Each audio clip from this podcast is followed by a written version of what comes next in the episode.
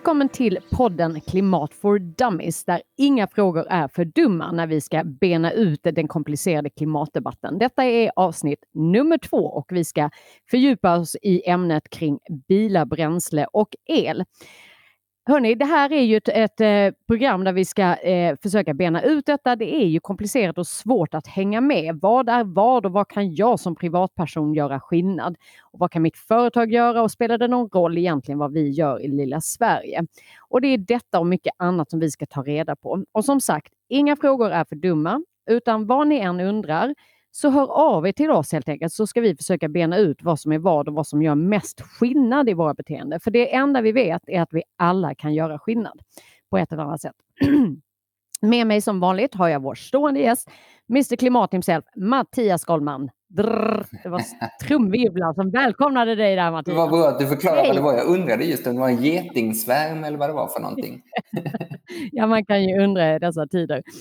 Hörde, vi ska fokusera på bilen, bränsle och el som sagt. Och eh, idag, jag har lovat tidigare att vi ska ha fler gäster med på våra program. Eh, idag kommer vi faktiskt fortsätta med att bara lyssna på dig och mig, för du kan den här frågan kan, eh, väldigt bra och eh, förmodligen bättre än många andra. Kan du inte berätta lite varför du kan så mycket om den här frågan? ja, men, eh, jag tror att eh, många med mig som är så här jämngamla som jag ungefär var jättebilintresserade när man var liten. Man kunde allt om alla bilar och jag samlade på bilbroschyrer och gick på bilmässor och sånt där. Men sen var jag också eh, miljöintresserad och eh, gillade att vara ute i, i, naturen och så. Och det där var ju liksom två vitt skilda områden väldigt länge, ända tills klimatfrågan så tydligt kom och berättade att ska vi ha ett drägligt liv på detta klot i framtiden, då är det transporterna vi måste göra något åt.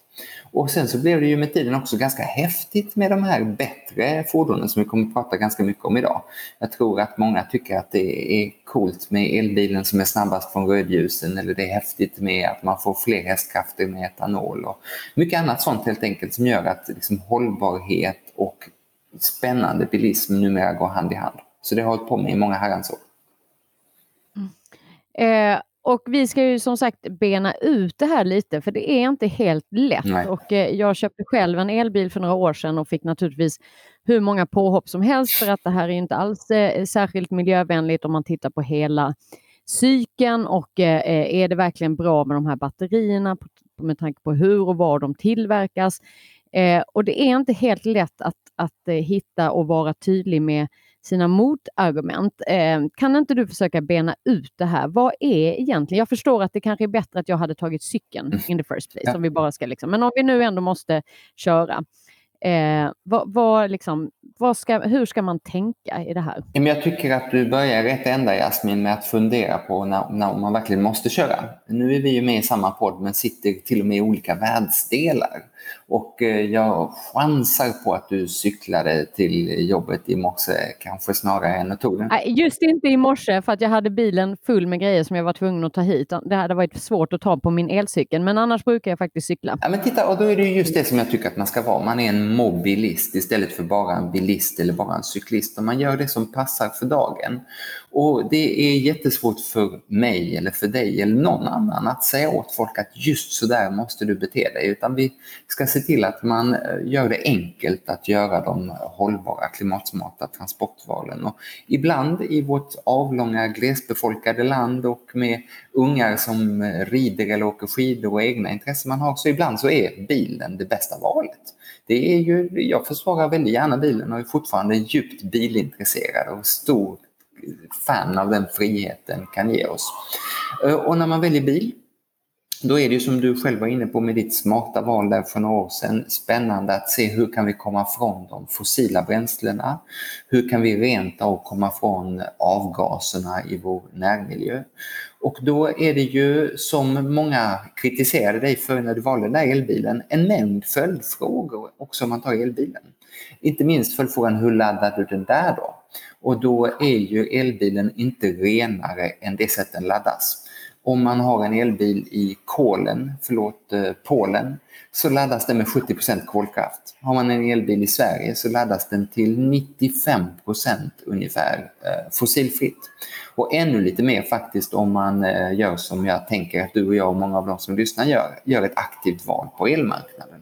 Ja, då är det en bil som är grön hela vägen ur klimatsynpunkt. Men de där som kritiserar dig, dels tror jag Jasmin att när man kritiserar folk som gör något för klimatet, då är det eh, beteendepsykologerna berättar att det är en ren självbevarelsereflex för att ja. man själv inte orkat. Så ta inte åt det allt för mycket. Men det ligger något i det ändå. Va? Alltså ett jättestort batteri på 500 kilo i en stor elbil, eh, det har också orsakat jättestora sår i jordskorpan när man plockade fram de metaller, eh, litium, nickel, kobolt och annat som behövs för att göra det batteriet. Så ju mindre batteri du klarar dig på, desto bättre för klimatet förstås. Och din elcykel är jättemycket bättre för klimatet den där första milen än din elbil. Men du sa ju också själv att man kan inte alltid förlita sig på bara de allra minsta fordonen. Om vi bara håller oss kvar lite vid batteriet, mm. för det är ju ofta där man hamnar. Dels för att det eh, arbetsförhållanden inte alltid är optimala eh, och sen så naturligtvis att det är en, en, en eh, innehåll i det här litium som, som inte heller är hundra bra. Va, vad skulle du säga är liksom, du, vad ser vi framåt här, eh, utvecklingen eh, liksom mot något bättre alternativ eller hur, hur, hur, kan man ha en diskussion kring batteriet som är så att säga vettig den här Jag tänker att eh, en elbil är dyrare än en vanlig gammaldags fossilbil. Varför är den dyrare? Jo, därför att batteriet är jättedyrt. Och vad händer då den dag som din elbil i övrigt utsliten. Alltså en bil håller ju tio år ungefär. Ja, då är någon intresserad av råvarorna som finns i ditt batteri, av kobolten, av litiumet och alla de andra ämnena. Och vi har rent av den svenska batteritillverkaren Northvolt som har sagt att de ska göra sin batteritillverkning helt cirkulärt. Det kan de inte göra än för det finns inte så många uttjänta bilbatterier än eftersom elbilarna har sån väldig boom. Men på sikt så kommer man att kunna eh, återvinna det här väldigt bra. De går att återvinna hur många gånger som helst de här metallerna och är väldigt värdefulla. Dessutom säger EU att 95% av en bil räknat på vikt måste återvinnas och eftersom batterierna är tunga så, så kommer man inte undan det. Dels är det lönt och dels är det lag på att man ska göra det. Så det blir successivt bättre helt enkelt. Men redan nu om man jämför med den där fossilbilen vi ska lämna bakom, redan nu så är det ett jättestort kliv i rätt riktning, framförallt i ett land som Sverige med så pass eh, grön el. Och så förstås när man kanske eh, står där vid övergångsstället så ska man vara väldigt glad över att man är i en bil som inte ens har ett eh, avgasrör att förpesta sin omgivning med. Du var inne också Jasmin på det här med arbetsförhållanden.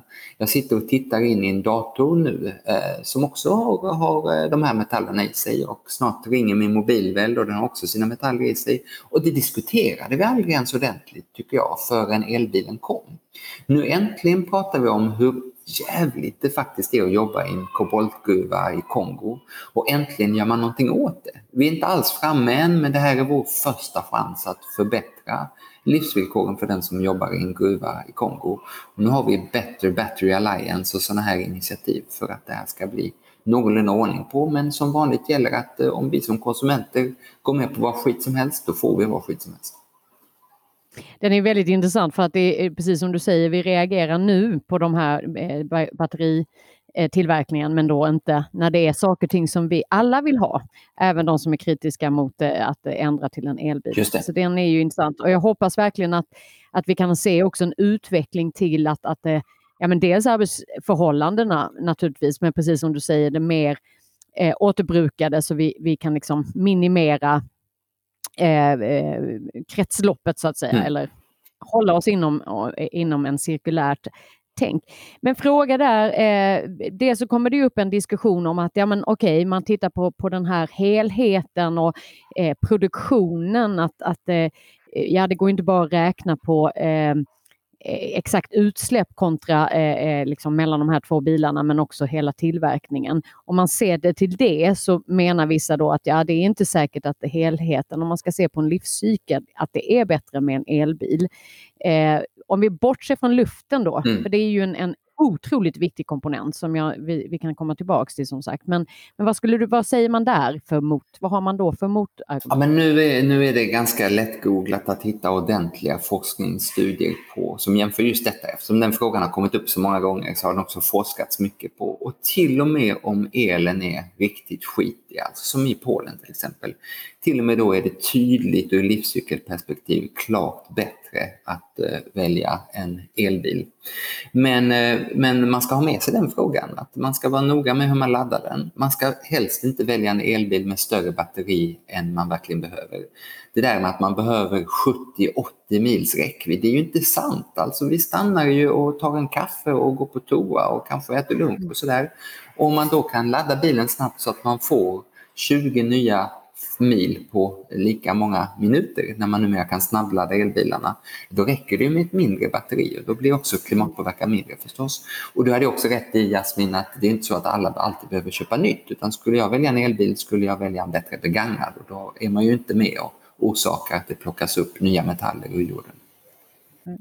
Nej, men det är jättebra poäng. Vi, som sagt, vår elbil går inte jättelångt och vi har varit med om väldigt spännande tillfällen där man eh, hoppas håller alla tår och tummar för att det ska nå fram eh, till den där elstationen. Men det, det, man ska bara säga att det går ju när man, om bara man planerar väl och då får man ju dessutom sina välförtjänta pauser, vilket man kanske ibland missar generellt. Men på tal om då det just med, med räckvidd är ju att en, en liksom diskussion som har kommit upp är hur mycket stationer kan vi egentligen ha, elstationer och den el som då, liksom, det här är ju också ett argument som dyker upp att herregud, skulle alla köra elbil då kommer inte elen räcka, den räcker ju inte som det är. Okej, okay. Um, worst scenario? Vad, vad, är liksom de bästa argumenten där?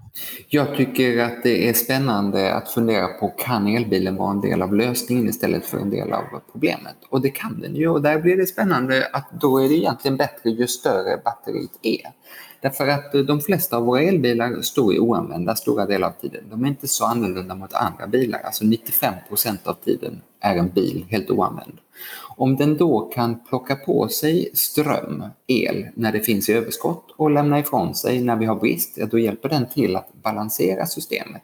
Och dessutom ger den en hacka till ägaren för då får man ju plocka på sig el billigt och sälja tillbaka till nätet när det är dyrare. Men även de elbilar som inte gör det här, då är de flesta av oss, eh, jag tänker att du nog också är sån, att man stoppar in bilen på laddning på kvällen när man kommer hem och då laddar den på natten när vi har överskott av el. Det är ju trots allt inte till vardags som vi åker 50, 70, 100 mil åt gången i våra elbilar. Så den är inte någon stor, något stort problem vare sig hur många eh, kilowattimmar den använder totalt sett eller liksom belastningen eh, just här, just nu. Däremot kan det vara problem på vissa ställen om vi tänker att jättemånga människor kommer att vilja ladda vid vad heter den, Gyllene Uttern heter det, va? det här raststället utanför mm, Jönköping. Där vill alla ladda precis samtidigt medan de fikar precis mm. samtidigt. Då behövs det mm. jättemycket el just där. Och det kan bli dyrt och krångligt på sina ställen. Och Tidigare hade man ju i räckviddsångest, den är nästan över nu, men det började bli, i Norge har de etablerat begreppet eh, laddväntningstristess. Alltså kommer man till ett laddställe och det står två stora elbilar framför en, då, då är det inte kul helt enkelt. Och där, där måste man kunna boka bättre i framtiden. Ungefär som man bokar en tvättstuga, det har vi kunnat länge, då måste vi kunna det med elbilarna också. Ja, men den är väldigt bra. Jag kan ju bara eh, då erkänna, detta var tidigt i mitt elbilsliv, ska jag säga, att jag hamnade i en situation där jag, eh, en liten frustration för att jag eh, hade behövt köra lite mer än vad jag trodde på grund av, av fotbollsmatcher som jag inte visste att jag var någon typ av extra förälder och hade någon kiosk eh, tjänst och så vidare och körde lite för mycket och hamnade i en situation att jag måste ladda och jag var dessutom tvungen att komma hem vid en viss tid. Och då står det en bil före mig och då tänkte jag, men herregud, de, så här länge kan han inte hålla på. Så då försökte jag ta ut elen från hans, hennes, det kanske var en hennes eller hans eller hens bil. Och var, min son satt i bilen. Jag tror han skämdes väldigt mycket för mig när jag försökte med tvång ta ut den från den andra bilen och bara tänkte, är du aldrig färdig någon gång? Det gör jag inte om. Jag förstår att man inte får lov att göra det. Det förstod jag nog då också, men i min frustration så tänkte jag herregud, så här lång tid kan det inte ta. Jag, som sagt, så jag förstår den där tristessen eller liksom irritationen när man står och väntar. Men hade man kunnat boka, det tror jag hade varit fantastiskt eh, bra lösning. Men du, på tal om det här, jag måste då över till en annan variant som mm. ofta eh, kommer upp. Det är ju att eh, när man då säger att ja, men jag, är lite, jag, jag vill också vara lite miljövänlig men eh, du vet, man, man vågar inte ta steget därför att man vill inte hamna i den här varken tristessen eller, eller räckviddsångesten. Så man köper hybriden, mm. så man har hängslen och livrem. Känns som två dåliga saker som man har ploppat in i en bil eh, på något sätt. Det där, jag vet inte, jag, jag känner mig inte så, så eh, liksom, positiv till hybriden. Men vad säger du om den? Jag har just den diskussionen med min pappa just nu som, som ska skaffa en ny bil och sen så tycker han inte att elbilen räcker till för att han vill kunna någon enstaka gång köra hela vägen till Paris från Genève där han bor. Men till vardags så kör han från den här gulliga lilla byn där han bor in till Genève och handlar och sen hem igen, alltså tre mil ungefär. Och då tycker jag att, i, och ganska många har det så, att man kör till vardags 3, 4, 5 mil och så har man någon enstaka långresa. Och, eh, och då är laddhybriden inte alls så dum. Därför att vi var inne på för en liten stund sedan att ett jättestort batteri är också en ganska stor klimatpåverkan och en dyr kostnad. Och så några gånger kanske man vill ha den där långresan där inte ens det där jättestora batteriet räcker eller man är någonstans där man är orolig om det finns tillräckligt många laddare och sådär.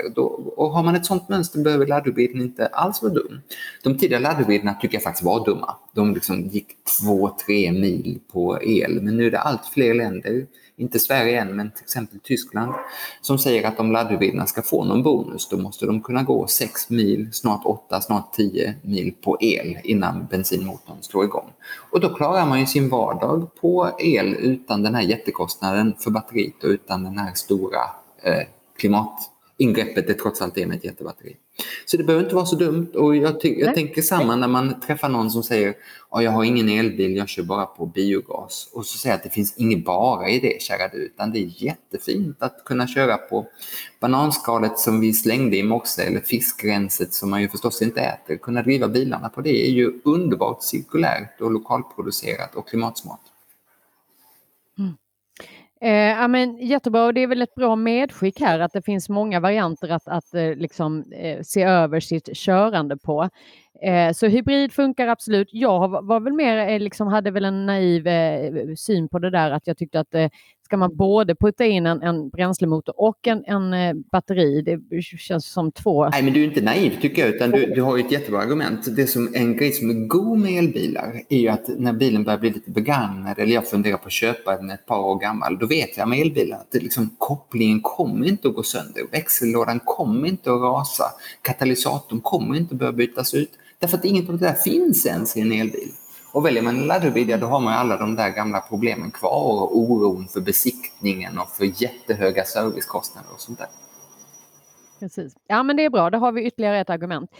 Eh, sen är det ju naturligtvis, precis som du har sagt, det är en dyrare variant. Eh, vi, vi, har dessutom nu en situation eh, på grund av, av det fruktansvärda som händer i Ukraina, att eh, priser för bränsle går upp. Det är en diskussion överallt just nu om, om eh, att man ska få bidrag som bil, bilägare på olika sätt för att kompenseras för de här ökade kostnaderna. Jag har bland annat sett att på Nya Zeeland så eh, eh går man ut och säger att all kollektivtrafik är, kommer vara gratis för att på det sättet kompensera. tycker jag personligen är en väldigt bra idé. Har jag undrat varför vi inte kan göra innan. För övrigt, det är bara en liten parentes, för då tror jag att vi hade fått ett ändrat beteende generellt. Men vad säger du, vad, vad, liksom med det här med det är dyrare med el att köra en, eh, och köpa en, inte att köra men att köpa en elbil eh, eller investera eller leasa eller vad du nu vill. Eh, och kombinerat med att eh, eh ja, i den här situationen vi är just nu att eh, med, med bränsle priser också som går upp. Jag tycker att det är, man blir lite fnissig nästan när man hör kompisar som har en elbil och får en tusenlapp i check från staten för att bensinen har blivit så dyr. Den tusenlappen kan de ju använda till helt andra saker. Så att man är ju mm. vaccinerad så att säga mot höga oljepriser och prischocker när Putin eh, svinar sig genom att, kunna, genom att köra på el eller för den delen genom att köra på till exempel biogas som inte heller påverkas av att Putin krigar. Eh, och medan priset på olja har nästan tredubblats som värst bara på några månader så har ju priset på vindkraftsel eller på egen el från solceller på taket ökat med absolut 0 bara. Så det känns ju ganska skönt om man kan vara utanför den här oron. Och vi kommer ihåg säkert alla att elpriset var högt det med för några månader sedan. Men till och med när det var som högst så om man laddade på natten, och det gör de flesta med elbil helt automatiskt, bara därför att man kopplar in sladden till elbilen. Så på natten var det fortfarande jättebillig ström. Så att eh, det är ännu tydligare nu än förut att eh, man tjänar in den här merkostnaden på eh, elbilen jämfört med bensinbilen. Därför att man inte behöver inte vara orolig för oljepriset. Och vi pratar ju utifrån ett klimatperspektiv naturligtvis. Eh, eh, elbilen är ett bättre alternativ för klimatet. Eh, tror du att det är liksom problematiskt nu med jag förstår viljan att, att liksom de som drabbas av de högre kostnaderna nu som har fortsatt köra med en, en, en liksom traditionell bränslemotor med bensin, att de får högre kostnader och att man då kompenserar med de här pengarna. Är det, ur ett klimatperspektiv så blir det ju lite eh, motsägelsefullt kan man tycka. Jag lider med dem vars hushållsekonomi har kraschat på grund av de höga bränslepriserna. Jag tror att många är i ungefär det läget som du beskrev Jasmin, att man är den där extra mamman som ska skjutsa hit och dit. Men man har inte haft råd att köpa den där elbilen. Det var viktigare förstås med fotbollsskor till dottern och träningskläder till sonen mm. och sådär. Och då är man drabbad nu. Och då, då tycker jag att politiken gör helt rätt i att kompensera för de här våldsamt ökade priserna. Men det är inget som säger att man måste ge, ge pengar precis i form av billigare bensin eller mer fossilt i bränslet eller en check för att bil. Utan när regeringen kom med hela sitt paket här nu så sa regeringen själv att bäst träffsäkerhet av alla de olika förslagen var att eh, öka bostadsbidraget för barnfamiljer. Därför då möter man verkligen de som har riktigt knapert. Och det finns massa olika sätt att gynna de som har det riktigt knapert. Jag har inte drabbats ett enda dugg och tycker att det är helt fel att jag skulle få en check nu från staten till exempel. Så att eh, här hoppas jag att politiken kan vara lite mer konstruktiv och kreativ och se att man kan gynna de som drabbas utan att det drabbar klimatet. Jag håller fullständigt med. Det verkar helt vansinnigt, precis som du sa innan, att, att eh, om jag äger en elbil så ska jag också kompenseras. Det verkar ju helt bisarrt. Mm. Och jag tycker också... Det, Vad ska du göra med din tusenlapp? Ja, men nu den kommer väl gå till en uh, insamling till Ukraina eller Barnfonden som jag stöttar. Underbart. Mycket i det här fallet. Eller jag vet inte, men jag, bara känner att det, jag tycker det är... Nej, nu sa du så, du binder det. Nu har vi hört det här på podden. Ja, jag binder mig. Ja, vi kör på den. Ja, men det ska jag göra om jag får den. Men du, jag tänker också att det är ju... Eh, eh, jag gillar ju den här idén och denna den här idén har, har eh, varit uppe tidigare med det här med kollektivtrafiken. För att eh, det här med att, att ändra vårt beteende, det är mycket i den här diskussionen oavsett om vi pratar el eller någon annan bil, att vi måste ha mindre bilar generellt. Mm. Inte bara för, bara, alltså vi, du var inne på utsläppen men också ska vi öka i omfattning många städer som växer och ska vi ha lika mycket bilar som vi växer, ja men då kommer det bli det kommer inte bli en trevlig stad Nej, det är ju sjukt. Det är ju sjukt att en genomsnittlig bil väger nästan två ton och är fem gånger två meter och transporterar i snitt en person. Så kollektivtrafiken och cykling och faktiskt kanske också kickbikes och sånt där är en del av lösningen. Bilisterna tar bussen och det är ju det viktiga ur klimatperspektiv. Då är det hög tur turtäthet, en garanterad plats att sitta, en tidtabell man förstår och eh, vet liksom, vad heter det, så här vad heter det ens? En hållplats som, liksom, där man är mm. ganska skyddad från regn och väder och, och, och, rusk. Sånt är viktigare för att få vanebilisten att, att åka. Dessutom brukar ju sånt som är gratis inte bli särskilt väl omhändertaget. Gratis är inte supergott tror jag. Ja, men det är bra, eh, det är bra eh, in, eh, inlägg i debatten, för det handlar ju väldigt mycket om hur ska vi hitta de här verktygen för att få oss att ställa om och att det inte ska bli svårare utan mm. tvärtom mycket härligare. Och vi vet ju om att om vi hade designat en stad med mer cykelvägar och mindre eller mer till exempel trottoarer så skapas också en trygghet och ett lugnare samhälle. En, eh, man brukar säga att om vi hade designat en stad för 8-åringar och 88-åringar så hade vi haft ett mycket, mycket mer inkluderande och tryggt samhälle. Och det ligger ju någonting i det. Vi sänker tempot, man kan gå fram med en barnvagn eller en rollator eller en cykel.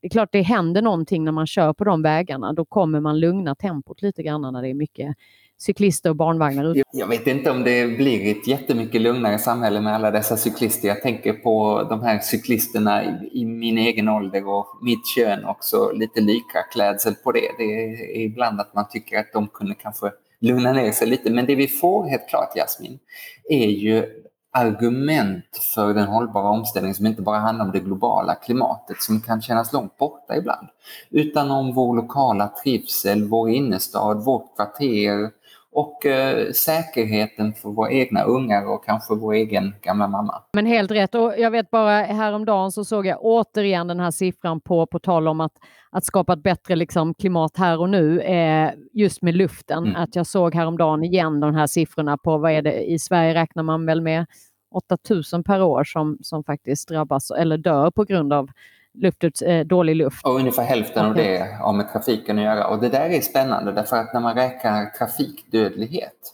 då räknar man slarvigt sagt bara de som dör av bilens kofångare. Det är 200-300 om året.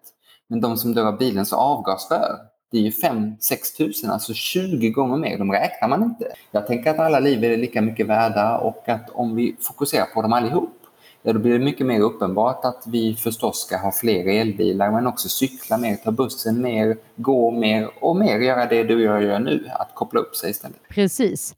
Eh, och eh, ibland blir det lite Sverigelänk, men det är i alla fall bättre det än att vi flyger fram och tillbaks, eller hur? Exakt. Men du, om vi nu ska sammanfatta vårt samtal här och se vad är det man ska tänka på när man står där och undrar vad är det jag ska göra nu när jag ändå behöver den här bilen? Vad är det smartaste att tänka om man kan liksom lite ranka eh, det? Börja med att klura på eh, dina faktiska vardagsbehov. Eh, inte den extrema resan en gång om året till Åre och hoppas att tonårsungarna följer med. Det kan man lösa på andra sätt. Man kan ta tåget, man kan hyra en bil. Men din vardag, utgår du från den kommer du förmodligen märka att du klarar dig mycket bättre än vad du tänkte från början på en mindre bil eller en bil på el eller på att kanske inte äga bil utan vara med i en bilpool eller liknande.